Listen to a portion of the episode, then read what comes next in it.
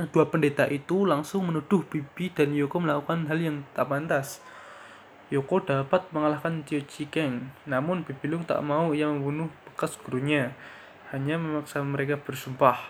Uh, Tio Keng pun bersumpah bila ia memberitahu orang kelima apa yang dilihatnya malam itu, ia akan mati sengsara. Nah, jadi uh, si karena Tio Cheng pengen melihat uh, ritual dari gurunya untuk berlatih kungfu tadi maka uh, dia harus dia bersumpah apabila memberitahu orang kelima apa yang dilihatnya malam itu ia akan mati sengsara